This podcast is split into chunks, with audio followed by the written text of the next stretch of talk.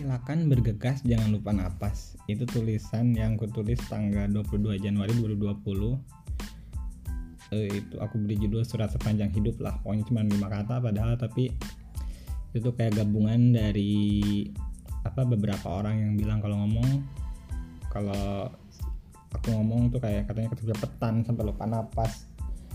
Kayak dikejar-kejar gitu.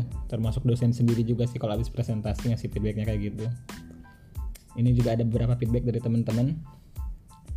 Bentar diputar di laptop ya.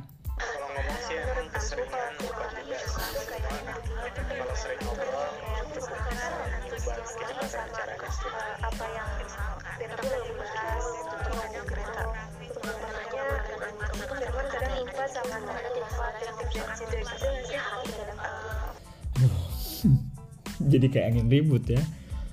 Mungkin itu juga sih yang teman-temanku dengar kalau pas aku lagi ngomong kayak nggak jelas. Kayak sekarang juga ngomongnya nggak jelas. Pantesan tadi di YouTube bilang kalau misalnya bikin podcast tuh harus seenggaknya punya skrip atau apa. Kalau gini bingung sendiri ngomong apa. Pokoknya intinya podcast mengenai jeda ini proses seorang Firman untuk lebih mengenal jeda untuk ya suara kita kan nggak bisa diubah ya. Kita post aja yang bisa diubah. Suara bagus bukan milik semua orang mungkin ya. Tapi semua orang bisa berlatih untuk bicara bagus. Bagus di sini tuh maksudnya ya tertata lah lebih rapi lebih bisa menghargai pendengarnya gitu kan menyampaikan dengan utuh. Gitu aja.